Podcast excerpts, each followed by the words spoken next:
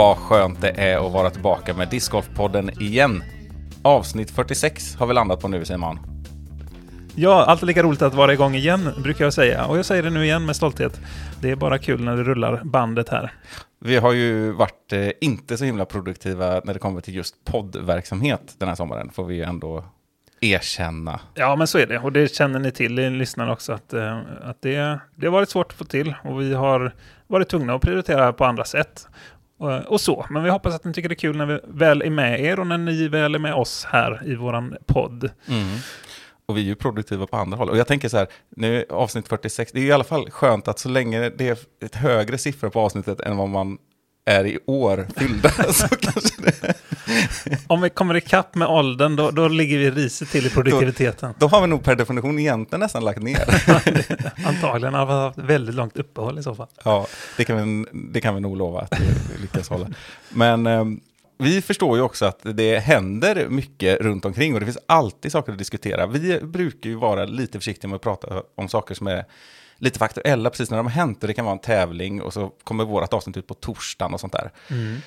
Eh, och då känns det inte som att äh, det kanske inte är lika spännande längre. Om det inte har hänt någonting väldigt särskilt. Nu har det ju hänt drösvis med extremt stora saker under sommaren. Vi har hela Nico-grejen eh, som också börjar mogna lite, som kanske vi skulle kunna prata om någon gång framöver.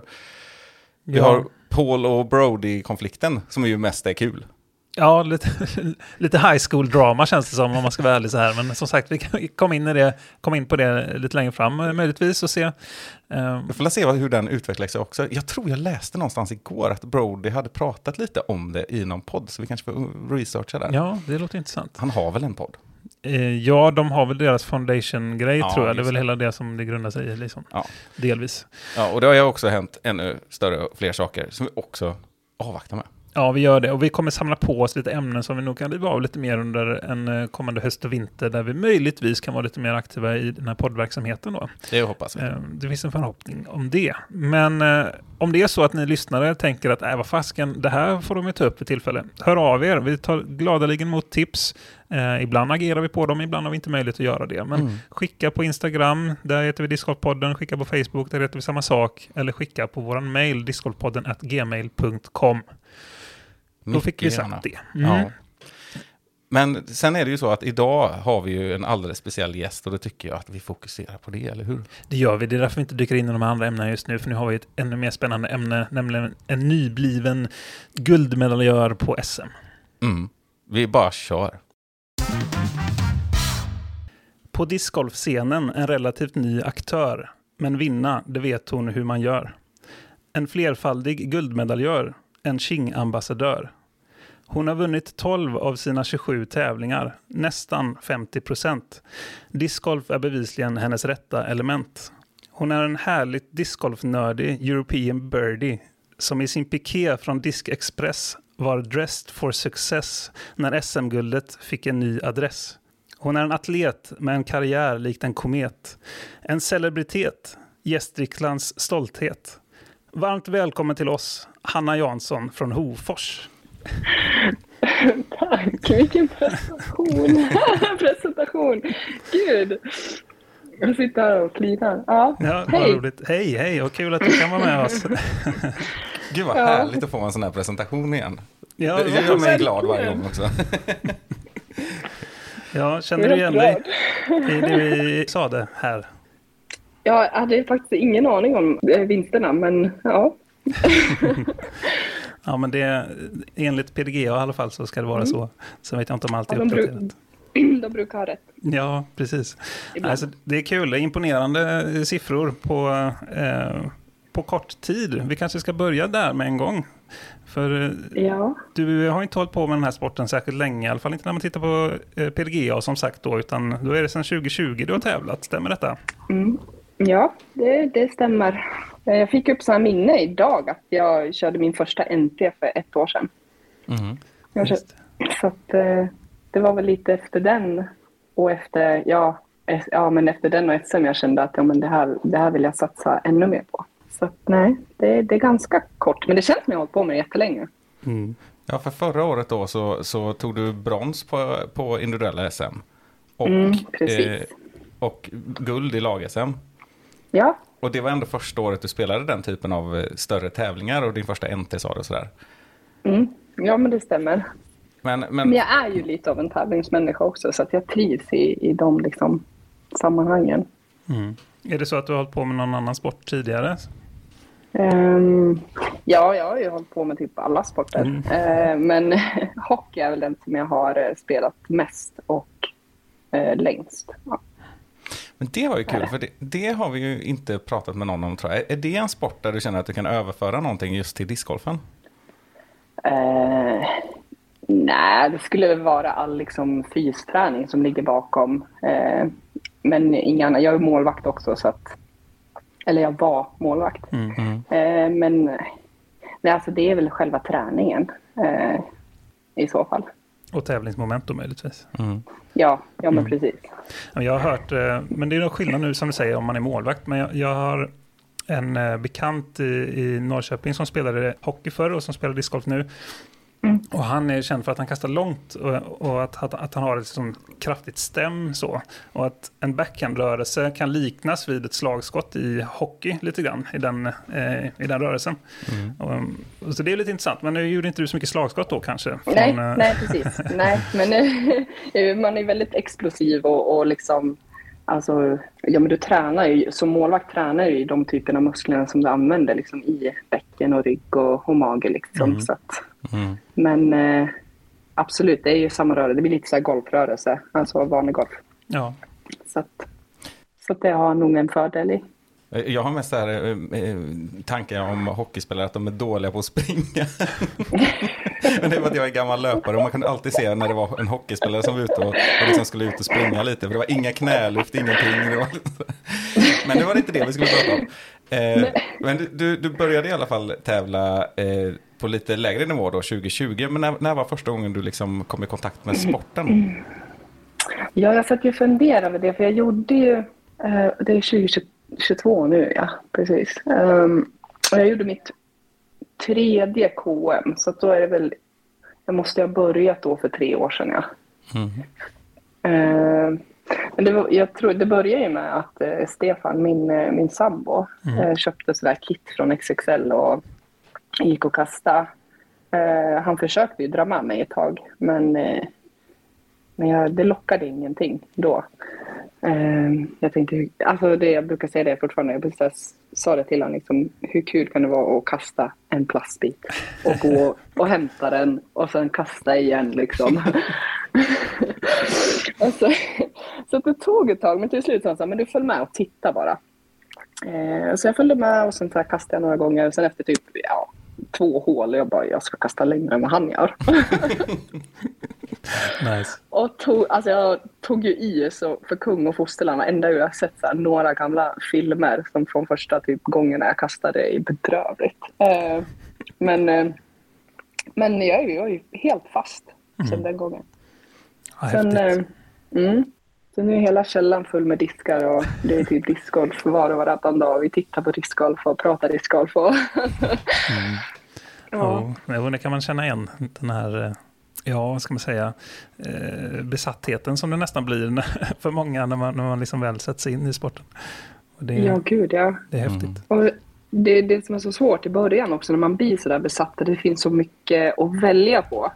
Så det blir så, åh gud den här disken tyckte jag om, nu måste jag köpa en sån och sen så köper man en till och sen så har man typ fem olika märken fast det är exakt samma disk. Men eh, nej men det har ju blivit lite bättre på senare dagar. Ja. Men, eh, Nej, men vi var inne på det, att du- du är från eh, Hofors mm, och du bor där nu också. Mm. Eh, och det är ju en, eh, en ganska spännande bana som jag fick eh, äran att spela ganska nyligen faktiskt. Mm. Eh, och om jag har förstått det rätt, för de som har varit där tidigare så, ni har gjort om eh, ett gäng hål där och du är ganska aktiv i, i föreningen och så. Vad är det ni har gjort på banan i Hofors om du ska förklara lite hur den ser ut? Ja, alltså innan så var det ju väldigt så här lättspelat. Det är det egentligen fortfarande, men tanken är väl liksom att göra den liksom lite mer utmanande men fortfarande ha kvar eh, tanken att man kan rädda paret. Eh, för som det är nu och så som banan ser ut nu så är ju inte tanken att den ska rikta sig till någon annan än de som typ i stort sett har börjat spela. Eh, för det är ju typ Hofors vinnande koncept. Det är därför vi har så mycket folk som är här och spelar och så många aktiva medlemmar. Mm. Men vad jag vet så går ju tankarna och idéerna på att bygga i alla fall nio hål till och sen förhoppningsvis utöka det ännu mer. Men det är väl första steget. Eh, det är bara extremt mycket jobb som ska läggas ner. Förmodligen vi påbörjar det arbetet nästa år. Mm. Eh, Att gå från 18 till 27 hål alltså? precis. Okej, Eh, Spännande. Ja, det tror jag ska bli jättebra. För vi har jättefin skog. Så det blir liksom, då kommer det bli en blandning av liksom öppna hål och skogsbana. Så att vi får... Nu har vi haft mycket öppna hål. I stort sett har bara två, två hål där vi har behövt träffa linjen ordentligt. Liksom. Det var inte Men, alls min eh, bild, jag som inte har varit där. Jag trodde det var typ bara skogsbana. Nej, det är väldigt, väldigt öppet. Det är, det är, alltså det är så här, får, kastar du fel så kan du ju oftast rädda paret. Alltså som, som, som aktiv spelare. Eh, men, eh, men jag tycker att de ändringarna som de har gjort är, är bra. Alltså det är ett steg i rätt riktning. Jag tror att vi behöver ha liksom, alltså ett, snäpp till. eh, för att locka lite andra, alltså utvecklas mer också. För vi har så mycket möjligheter. Mm. Åke han är ju, ja och han är ju jätteduktig och väldigt så här, aktiv i, han tycker det här är jätteroligt. Så att, Vem är det du pratar om nu? eh, Åke Wallbäck. Mm. Jättebra. Ja, Mm. men han känner nog de flesta till som är eh, i discgolf Sverige skulle jag tro. Mm. Han har varit med eh, länge, sponsrad av Latitude 64 va? Mm. Yes. Mm. Spelade Master-VM i somras i USA också. Ja, det gjorde han ja. Mm. Mm. All right. När jag gick in på eh, banan här så var du på väg att säga någonting, eh, Rickard. Nej, det tror jag inte. Nej, okej. Nej, då missade jag. Men vad tyckte ni om banan då? Jag, jag har tyvärr inte varit där. Eh, Nej, nej, jag var i Hofors eh, några dagar före Simon, men jag, jag, det regnade och jag var mm, lite, Jaha. Aha, var, lite, var tvungen att vara lite rask iväg. Det var planen. Mm. Ehm, nej, men jag fick stannat där. Jag var faktiskt på väg hem från SM som vi gärna kommer in på lite mer eh, om en stund. Ehm, Och eh, ja, men jag tyckte det var roligt. Jag var också förvånad att, eh, att den var inte så skogig som man får för sig när man är i Gästrikland. Slash, det är precis Mm. på gränsen till Dalarna. Va? Ehm, men jag tyckte, jag tyckte om den och eh, den är, jag tycker den är väldigt varierad. Ehm, Mm. är det hål 18 som har den här eh, coola pyramiden? Eller? Ja, precis. En liten sig- signature, jag tog kort på den. Ja, den Mm. har jag sett. Alla tar kort på den. Men den är fin. Ja, ja absolut. Eh, Så det är ju lite lurigt om det blåser kan jag tänka mig om man ska stå och putta Mm. där. Eller annars också för den delen. Och sen, eh, men sen var det, alltså det var ju ändå en del träd på några håll sådär. Men eh, allt är väl relativt antar jag. Där uppe är det väl ganska öppet om man jämför sig med många banor kan jag tänka mig. Om du kommer ner och spelar Restagård, där har du, det är en öppen bana. Våran hemmabana här, det är som nästan bara gräs. Mm. Ja. ja, och de har ju fått till lite mer träd nu på den nya layouten än det var innan också. Mm. Men vi borde ju passa på att fråga här nu, för vi, både jag och Simon var för sig har ju varit och kört lite i området där nu då. Om man tänker, vad har du för favoritbanor eh, runt omkring dig? Om man tänker sig bort till Gävle och in i Dalarna och så vidare. Ja, mellan Gävle och Borlänge kan man säga kanske. ja. Ja, alltså Vika är ju, jag älskar Vika. Mm. Eh, det är ju liksom, det är ju, ja men att träffa dina linjer ordentligt för där blir du ju straffad. Ja, den är Eh, väldigt tajta hål. Verkligen. Eh, så det är ju, det är absolut favorit. Och sen eh, Borlänge tycker jag är så jäkla häftig. Tjäna samtal. Eh, Mm. Ja, Mm. Är det man måste typ åka dit. Eh, det är svårt att beskriva den banan men den är riktigt, riktigt häftig. Vi har ju varit där båda två. Ja, det har vi faktiskt Det- lyckats Ja. med. Ja, den, eh, den var rolig. Ja, nej, men det, Ja. det, var, det var jättehäftigt. Jag var där när det var väldigt varmt och härligt också. Och det var ju extremt mycket folk som spelade där. Herregud vad mycket folk på banan. Eh, Men jag, sen... har- jag har inte... Ja, förlåt. Ja, nej, nej, så vad du skulle säga. Nej, jag har inte varit där på jättelänge och det är lite tragiskt. Jag, prat, jag har pratat om att åka dit eh, jättelänge men det har, det har bara inte blivit av. Det är Mm. liksom nästan, ja men det är någon, 1.45 tror jag. Eller en och en halv timme för oss att åka dit. Ja, det är så pass. ja. Och den ligger Ja. i Borlänge då, eh, ska Mm. vi väl påpeka. Men vi, jag, man hör ju redan på namnet där, Kärna Sandtag, så jag har ju sett bilder och sådär, men det var inte som att jag kollade precis innan jag åkte dit. Och så tänkte jag, så nu kom jag dit och det var ju fina och trevliga hål och sådär tänkte jag. Och så eh, hål 1 till 7 någonting. Så, ja, ja, det är ju en skogsbana liksom. Och så kommer man till hål 8, 9 bara, ja, ja, okej. Då är det ju, vad man beskriva det som, en jätte, jätte sandkulle liksom. Det är som att man plötsligt befinner sig i en öken liksom. Eh, Ja, jag tror de har någon skylt där det står typ kamelridning och sånt. Ja, det är svinhäftigt och eh, dessutom bra hål på de, de sandhålen tycker jag. Men lite som Robertsfors, eh, alltså Wasteland för den som har spelat den Mm. banan. Liknande miljö, fast lite längre Ja. söderut. Jag fick vara med om några sådana på min resa, men det får vi ta någon annan gång. Ja. Norra Finland så är det ju sån miljö överallt. Mycket sandbunden morän. ja, exakt. Precis, så geologiskt korrekt. Precis. Eh, Men eh, annars så såg jag att du hade varit i Söderhamn nyligen, var det så? Eh, I helgen. Mm. Och för ett par veckor sedan också. Jag gillar den banan jätte, jättemycket. Alltså, den är ju jätteutmanande. Där är det ju långa hål och det är tajta linjer. Och... Ja, nej, den, den gillar jag också riktigt, riktigt mycket. Men det är ju lite längre också. Mm. Det Där lyckades du ta hem segern. Mm, ja, Ja.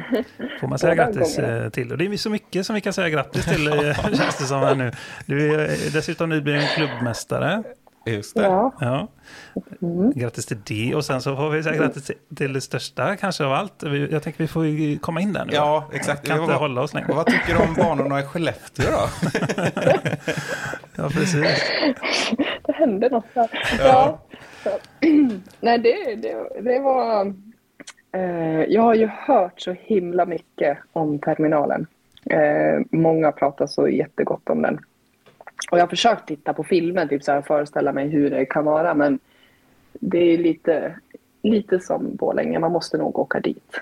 Eh, men jag tyckte det var Alltså det var så himla bra. De hade gjort så banan så himla bra. Allting var så välordnat och, och fint. Och, alltså jag tyckte det var ett jättebra arrangemang. Eh, och det är samma där. Det var varierande hål och alltså olika kast. Jag vet att jag pratade med TD om det också. Det var lite så här halvtråkigt att köra eh, 18 stycken par treor. Men när man väl spelade dem så kändes det inte som 18 par treor. Det var lite många tuffa hål. Men var det det på båda slingorna för FPO? Nej, på, på art, eh, vad säger jag? Eh, blå slinga bara. Mm, Okej. Mm. Så den var ju lite så här, på papper kände man ju lite. Men eh, när man spelade den så kändes det inte som att det var 18, 18 par treor. Den var lite tuffare. Mm, tuff ändå ja. Du får berätta lite här om, eh, om tävlingen. Vi snackar ju fyra rundor på fyra dagar här. Mm. Du låg ju med hela tiden. Var det inte så att du ledde efter första och kanske till och med andra rundan också? Ja, jo, jag, eh, alltså jag fick gå med två helt, sa vi två? Tre, för de som ska räkna. Eh, helt nya, alltså eh, som jag aldrig har gått med förut. Och det, jag var jätteglad för det när jag såg det på kvällen innan. Att jag liksom så här, för oftast så blir det när man åker ut på de här tävlingarna så är det samma personer som, som, som tävlar på samma tävlingar.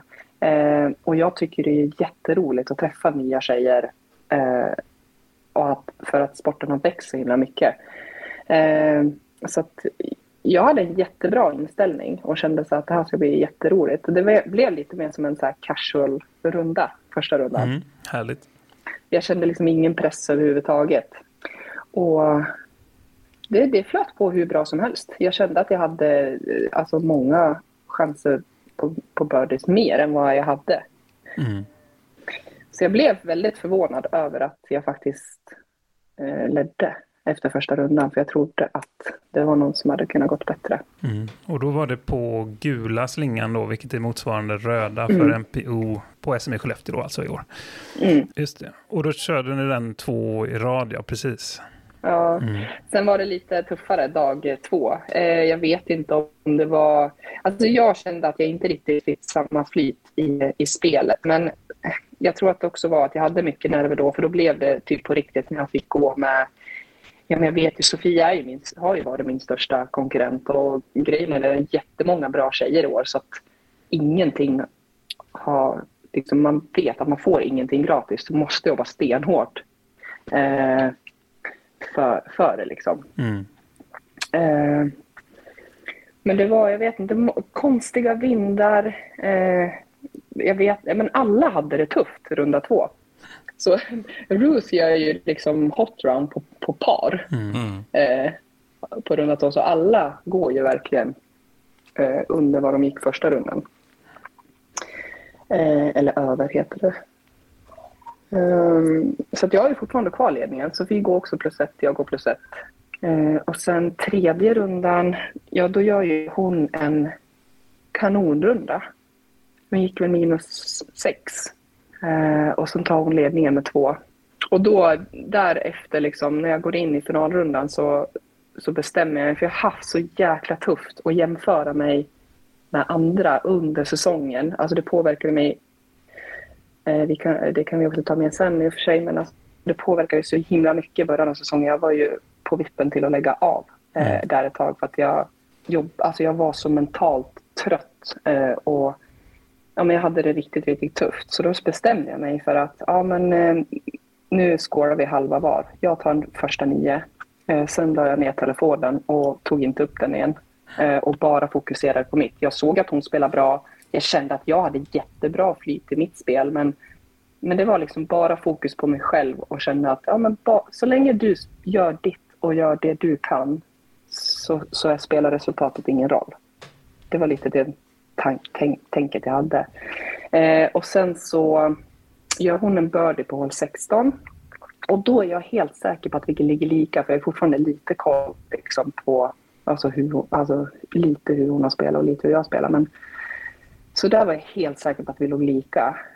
Så jag tänker, ja men jag parar ut hål 18 och så får vi köra så här spel.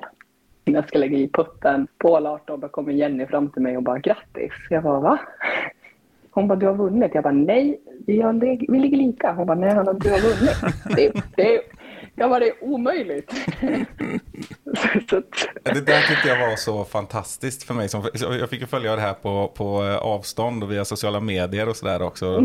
Eh, Och jag vet inte, jag tror det var på an, andra som la ut också då, eh, om detta. Men du själv beskriver det också. Jag trodde nästan inte att det var sant. Hade du inte koll? Liksom? Nej, jag, jag hade verkligen inte det. Alltså på, på gott och ont. Alltså, Ja. eh, alltså så här i efterhand så tänker jag så här, men tänk om jag hade legat lika och haft möjlighet att göra, alltså, för, förstå, alltså eller tänk om, ja, hade, hade det varit så typ att jag hade legat under med ett, då hade jag typ aldrig förlåtit mig själv att jag inte gick för putten på 18, för jag låg ändå helt okej. Mm. Men eh, ja, det var min gameplan och den, den funkade ju tydligen. Är det en strategi du kommer praktisera igen tror du? Ah, Jag vet inte, jag tror jag måste bli, alltså, alltså nu så här i efterhand så känner jag att det har ju varit bra, jag behövde det där. Alltså, och jag känner mig mycket starkare i, i mig själv och mitt spel och mitt psyke. Eh, och nu vill jag ju bara hålla i det här, så jag tänker att förhoppningsvis så ska jag väl ha, kunna ha koll hädanefter. Ja, men och du, du skrev det också på Instagram eh, direkt efter, eller direkt efter, men i, i, Mm. i liksom, eh, det inlägget som var apropå att du hade vunnit också då. eh, Mm. Att du har haft, liksom en, ha- haft en tuff vår eller tuff start på säsongen och fightats Mm. med det mentala, uttryckte du det. Och du var inne på det här, vad, Mm. kan du berätta om det? Vad, vad berodde det på? Eller hur såg det ut? Ja, alltså, ja men alltså min första säsong, alltså allting gick ju bara, alltså allting bara flöt ju på. Jag, alltså, det var ju väldigt få motgångar i, i mitt spel. Alltså, jag tyckte att det var jätteroligt. Allting liksom bara, jag hade inte så mycket tanke bakom vad jag ville med, med, med, med discgolfen. Liksom. Jag tyckte att det var kul. Det var kul, kul att tävla och kul att det gick så bra. Liksom. Jag, jag blir ju lite så här manisk eh, när jag börjar med någonting. Eller när jag fastnar för någonting.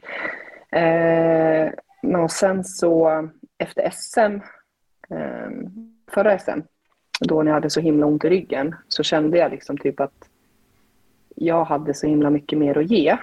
Eh, jag, vet inte, jag kände för mig själv, liksom, det var bara så här, jag tyckte det bara var så jävla orättvist. Eh, men så, så- alltså, saker och ting händer. Jag har svårt att acceptera liksom, att jag inte klarade av att spela för att jag var så skadad. Eh, och då var det så här, började jag sätta typ krav på mig själv att ja, men jag kan ju bättre. Jag vill, jag vill, vi, alltså. Jag är ju min största fiende eh, och jag var så här. Nu måste jag liksom träna och, och bli bättre och, och, bli så bra som jag känner att jag kan bli.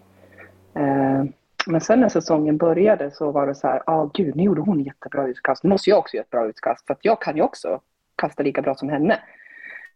Eh, eller typ i alla fall likadant. Och sen så ja, men blev det så här, varje kast liksom, jag kände hur jag, hur jag tappade mig själv och började fokusera på alla andra, hur de kastar, hur de puttar, vilka siffror de hade och, och liksom så här, och jag, mitt spel, ja, första rundan funkar oftast ganska bra på alla tävlingar, sen blev det bara sämre och sämre och sämre.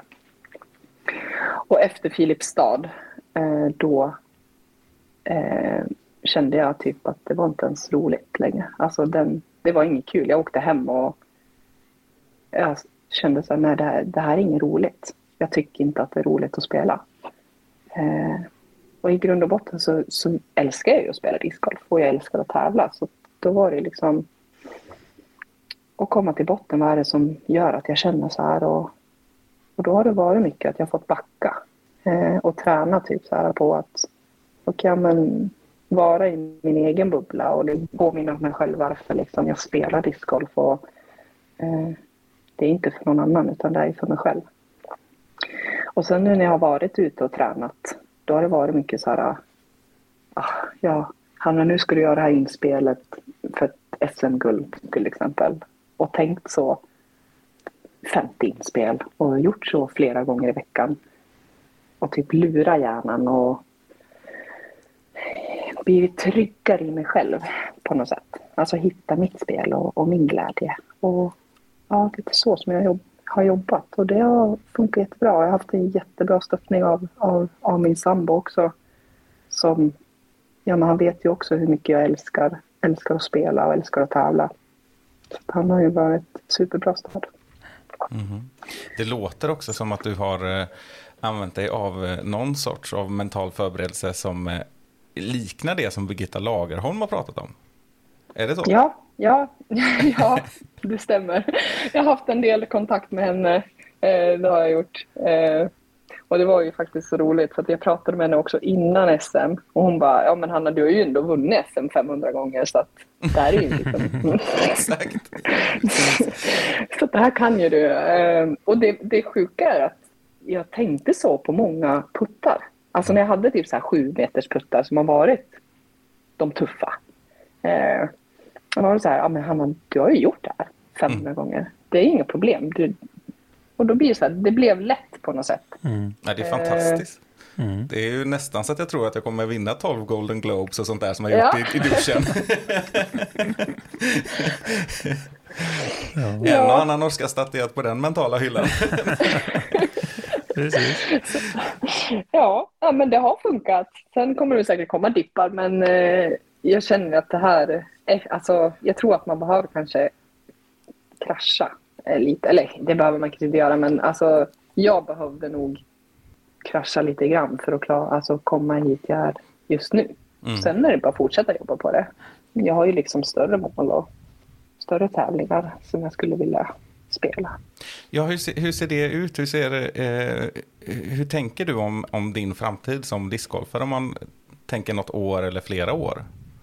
Ja, alltså ibland tänker jag så här, gud, jag börjar ju faktiskt bli gammal, men jag hoppas att jag kan hålla på eh, eh, väldigt länge till. Det är yngre än oss men, i alla fall. Ja. Jag skulle börjat för tio år sedan. Nej, men jag tycker, jag tycker det här är skitkul och jag vill ju verkligen fortsätta. Eh, och planen är väl att jag ska försöka köra Europatouren nästa år. Men det beror ju lite på. Allting handlar ju liksom lite om ja, familjelivet och sen ja, pengar, eh, jobb och allting sånt så måste ju också funka. Mm. Så att, ja, jag tänker ja. just på det att vi, vi befinner ju oss i en ganska så spännande brytningstid för discgolfen där Mm. Vi börjar kunna säga till unga personer att det här är någonting du skulle kunna satsa på att leva på. Jag menar, mm. ingen kan övertyga Hjalmar Fredriksson om något annat. Försök övertyga honom om motsatsen. Liksom. Eh, eh, Har du sådana tankar eller just att kunna i alla fall delvis leva på det? Såklart. Ja, absolut. Det är ju drömmen. Mm. Alltså det är ju, det är ju mitt, alltså det är ju ett mål jag har. Alltså, och det är ju en tanke som jag försöker och liksom jobba in och, och, och sä- sälja in tänkte jag säga till mig själv. Men, nej men alltså det behövs ju, jag behöver ju, jag kommer ju behöva liksom, om jag vill det här så kommer jag behöva söka stöd liksom Mm. från någonstans. Ja, jag hoppas att, att, jag kan, att jag kan hitta det liksom så att jag kan få fortsätta göra det här. Se hur långt man kan gå. Det är väl en härlig inställning. Mm. Men eh, hur ser det ut eh, nu då vid sidan om discgolfen? Eh, du nämnde lite innan vi började spela in här. Vad gör du om dagarna annars när du inte spelar discgolf? Eh, ja, eh, för det första så jobbar jag ju som förskollärare Mm. i förskoleklass. Och sen så har vi, vi har ju fem barn som håller på med typ fem olika idrotter. Det är ridning, hockey, BMX och dans och fotboll och sånt. Dis- discgolf kanske? Ja, Ja, i, i perioder Mm. så är det discgolf för grabbarna. Ehm, men eh, ja, eh, förra säsongen så var jag ju hockeytränare för mina pojkar som är födda eh, 11 och 12. Eller det var ett 09-lag då, 09-10-lag. Mm. Eh, och sen hade jag hockeyskolan också. Och en gång i veckan så har vi BMX-hallen öppen barn mellan 0 till 12 år. Ja, du sa det här innan vi startade Mm. att du måste iväg sen för du ska öppna BMX-hallen. Ja, Ja. herregud. Det är att stå i med livspusslet. Ja, herregud. Ja, nej, men det jag tycker om när det händer saker och det är fart och fläkt och jag tycker om att vara med lite överallt. Tycker det är roligt. Hellre det än att eh, sitta hemma. Jag tycker om eh, att vara ute och jag, jag älskar idrott. Alltså alla, typ alla idrotter. Mm. Så att om barnen vill hålla på med det så, och har jag möjlighet att liksom hjälpa till och ställa upp så, så gör jag det. Ja, det, här, det här är ju ett samtal mellan tre personer som eh, lätt eh, vill göra lite för mycket här. Men det känns som att du kanske... Har du några tips till oss för hur du hittar någon sorts balans i det? Vi, vi verkar ha lite problem med det. Japp. Nej, nej, det är liksom det är bara sova mindre, mer kaffe. Check, check. Simon valde alternativet att lägga ner med kaffe. Det är väl enda skillnaden. ah, nej, nej, det Jag, funkar inte. Jag, Nej. jag slutade dricka kaffe för att jag tyckte att det blev att man i början drack jag det för att bli pigg och sen drack man det för att inte bli trött. Liksom. Om ni förstår skillnaden där. Den Ja. är ändå ganska så, en dålig skillnad så att säga. Ja, Det var så här, att inte få huvudvärk liksom. Och då, då, då brukar jag få frågan, men hur är det nu? Nej, nu är jag alltid trött. Så, Ja. så det, det hjälper ju inte. Ja, Men alltså när, när folk pratar om sådär, när folk är förbluffade över hur mycket eh, dygnsrekommendationen för vatten är per dygn så brukar jag säga, men det dricker jag i kaffe. Ja, men lite. jag kan Ja, men lite. Alltså två liter eh, kaffe kan det nog bli. Ja, men fem koppar på förmiddagen, det är liksom standard. där. Ja, eller hur? Ja, ja, du jobbar ju i skolan också. Det, det, är nästan, det är nästan det värsta, va? Som kaffedrickarna. Ja, alltså grejen är ju den, jag är ju med barnen eh, hela tiden. Eh, från det de kommer till de slutar. Så att det är, jag sa det idag, jag går med en kaffekopp i handen hela tiden men ändå så lyckas jag typ i stort sett aldrig dricka klart den. Eh, så att det är nästan bra att, att jobba inom skolan för jag hinner inte riktigt dricka så mycket kaffe som, som jag skulle vilja. Eller, ja, Ja, det är hårda jag vet inte om det är ett bra uttryck. Men Ja.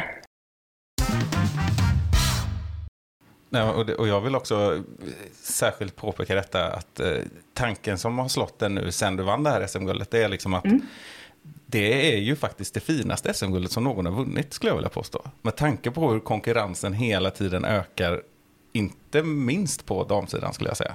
Håller du med om det? Ja, alltså ja, absolut. Det håller jag med om. Jag tycker att eh, ja, men alltså, jag lyssnar ju väldigt mycket. Alltså, jag lyssnar på olika poddar eh, eh, inom discgolfen. Det är- Eller ja, tre. Eh, men det som jag tycker är så, så roligt nu, alltså det, det är även när jag pratar liksom utanför eh, om, om discgolf, just hur, vad som händer på damsidan. Det finns liksom ingen given, det kommer inte finnas heller inom nu de här åren som kommer. eh, en given vinnare tror jag. För att det är så många damer som satsar och tränar och är så himla duktiga. Mm. Eh, så att var som helst kan liksom hända från och med nu känns det som. Ja, men alltså, jag tycker man har sett det bara under den här säsongen. Alltså, förutom de som har varit med ett längre tag. Och det är nästan som att få börja räkna in Elina där. Va? Nej, hon kanske är var samma ett som år dig innan. Anna, men det är nästan så att han är...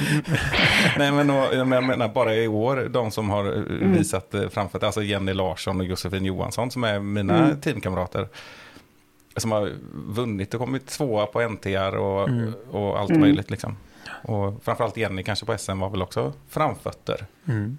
Ja, gud ja. Alltså, hon, fantastiskt. Det var först, faktiskt första gången jag spelade med henne. Det var ju nu på SM. Mhm.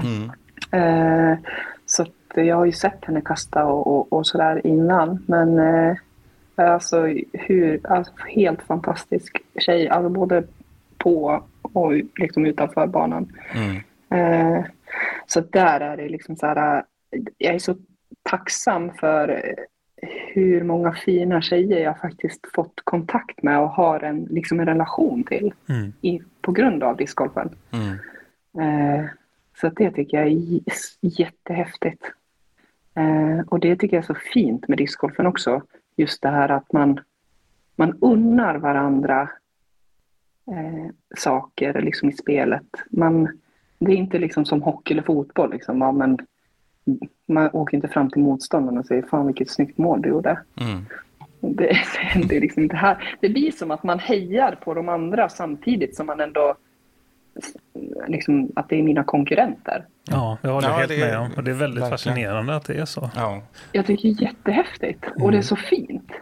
Ja, och det är liksom inte bara en sån här eh, gentlemanna-grej eller vad man ska säga. Det finns ju andra sporter också. Eller man, man förhåller sig olika till sina motspelare i, i eh, amerikansk fotboll och i tennis. Om du förstår vad jag menar. Eh, men här, det är ju, det är ju genuint, du Ja. menar detta.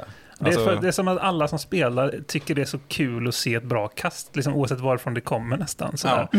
Man är mer fascinerad av flykten av disken kanske än, än man är av andra Eh, alltså I andra sporter krävs det något exceptionellt tror jag för att, att man ska, ska få liksom ett beröm från motståndarna på ett Ja. annat sätt. Mm, Eh, Medan här är det mer vardag på ett, på ett fint sätt. mm. Det, det håller jag helt med dig Hanna. Ja, det är liksom i små Mm. unika tillfällen som eh, om du och jag har kört eh, två veckors tävling. vi har kört 15 banor, då undrar jag kanske inte sista putten om det. Även om den är från 15 meter. Exakt. Ja, den är ju alltid det också. Ja, det ligger väl något i det kanske. Ja, nej, men det är, och det är ju många som vi inte har nämnt dessutom då, liksom Amanda Lennartsson och Matilda Ringbo. Alltså Mm. hur många som helst Mm. som kan vara med i detta. Men en, en Ja, som... Ruth och, ja nu kommer hon trea, men alltså hon är inte heller så himla Nej, nej, gammal nej. i gamet. Nej, det går liksom inte att nämna alla. Och det, Nej. det jag tänker också är, tror du att det har eh, kanske det här senaste året då, eller efter pandemin, börjat kännas som att det når någon sån där, vad ska man säga, eh, kritisk punkt där det faktiskt blir enklare. Alltså just att det har ju varit en sån mansdominerad sport, tänker jag. Mm. Eh, och att det krävs en viss procent utövare, kanske kvinnor, för att det ska vara rulla på av sig själv på något sätt. Eller, eller förstår du vad jag tänker?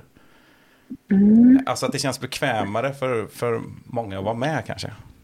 Ja, alltså jag kan ju bara prata om alltså, bara vad som har hänt, alltså hur jag upplever och, och de som jag pratar med liksom, här omkring, hur de känner. Och det är ju en stor skillnad från när jag liksom var med till exempel veckogolfen första gången gentemot vad jag ser tjejerna som är med och kastar här nere nu.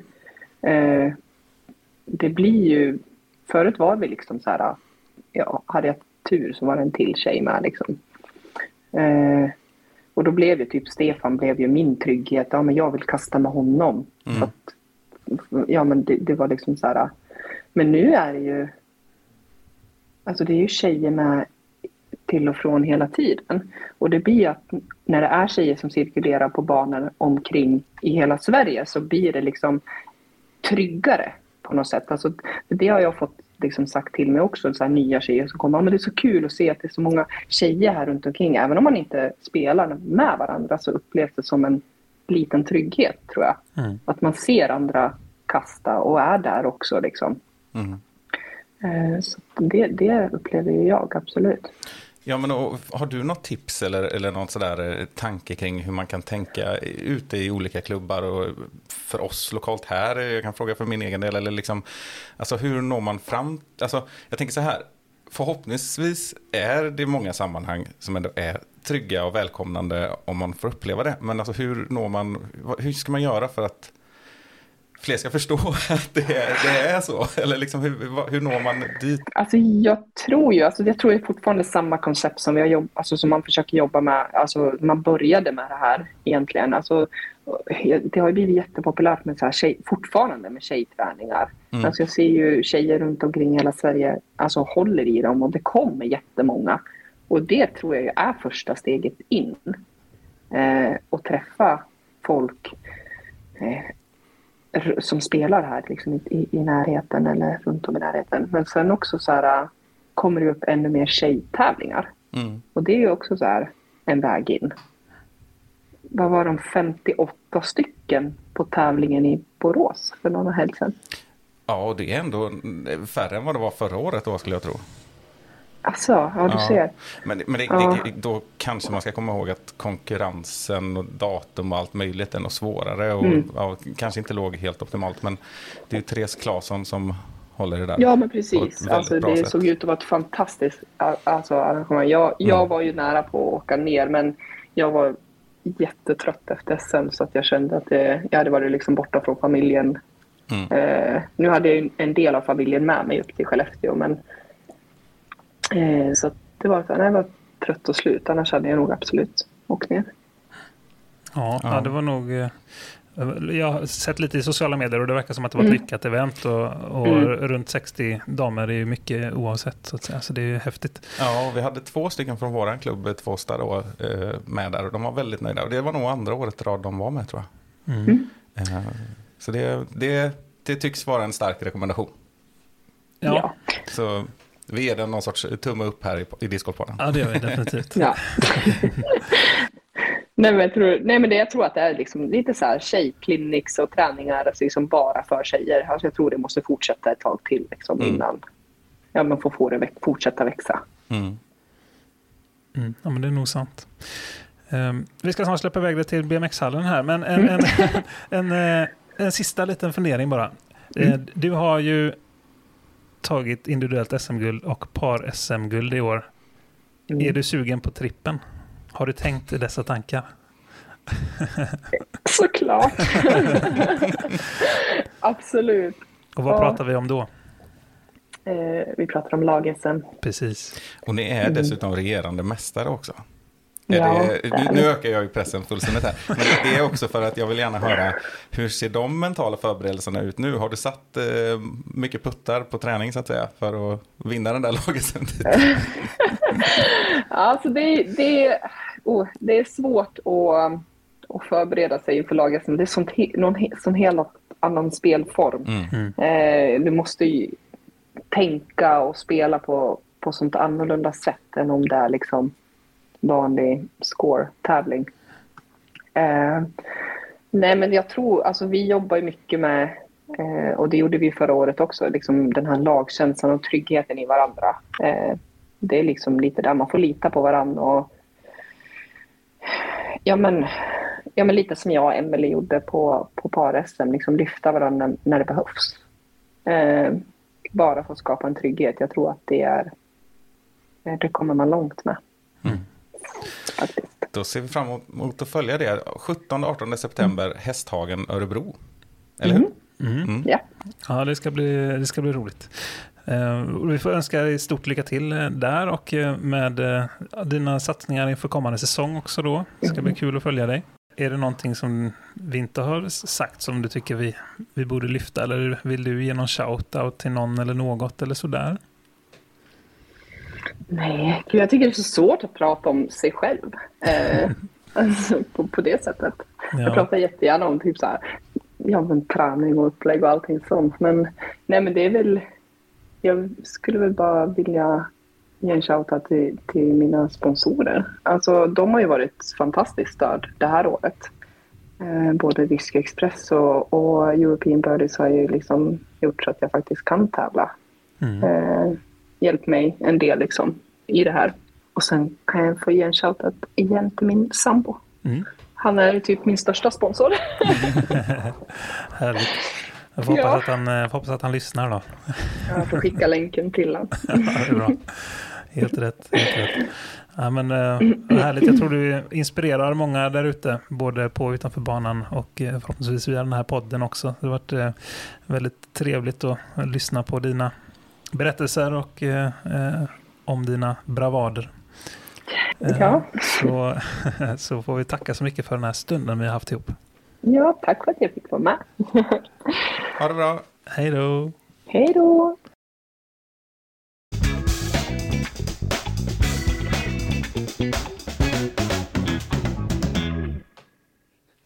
Härligt att ha med Hanna i våran eh, studio, även om den var eh, över länk, så att säga. Mm. Det är en eh, tjej med en härlig energi och eh, en eh, god framtid framöver, får vi tro. Inspirerande spelare. Och det, det är som alltid när vi har gäster, att vi... Eh, ni, ni som lyssnar, jag hoppas att ni hör det, att vi vill oftast prata minst tre gånger så länge. Men vi försöker liksom komprimera det lite grann och så kanske man sparar någonting och, och kan höras igen. Ja, men så kanske vi håller varandra och lyssnarna på tårna lite grann. Ja, och, eller så. hur? Mm. Um, jag hoppas att ni tyckte om våran pratstund med Hanna och eh, om ni har några funderingar så är det bara att höra av er. Jag tror att vi eh, får se till att avrunda det ganska snabbt. Ja. Ehm, även om det är alltid trevligt att, att snickesnacka lite även på sluttampen så får vi spara lite till våra framtida avsnitt även där. Så vi kan väl bara säga som så att eh, tack för den här gången. Ta hand om er. Så hörs vi nästa gång. Hej hej! Hej då! Will see me driving after tea. Weather's looking good. I got a disc bag full of tricks. Yeah, I got them spinning. Listening to music you can't hear.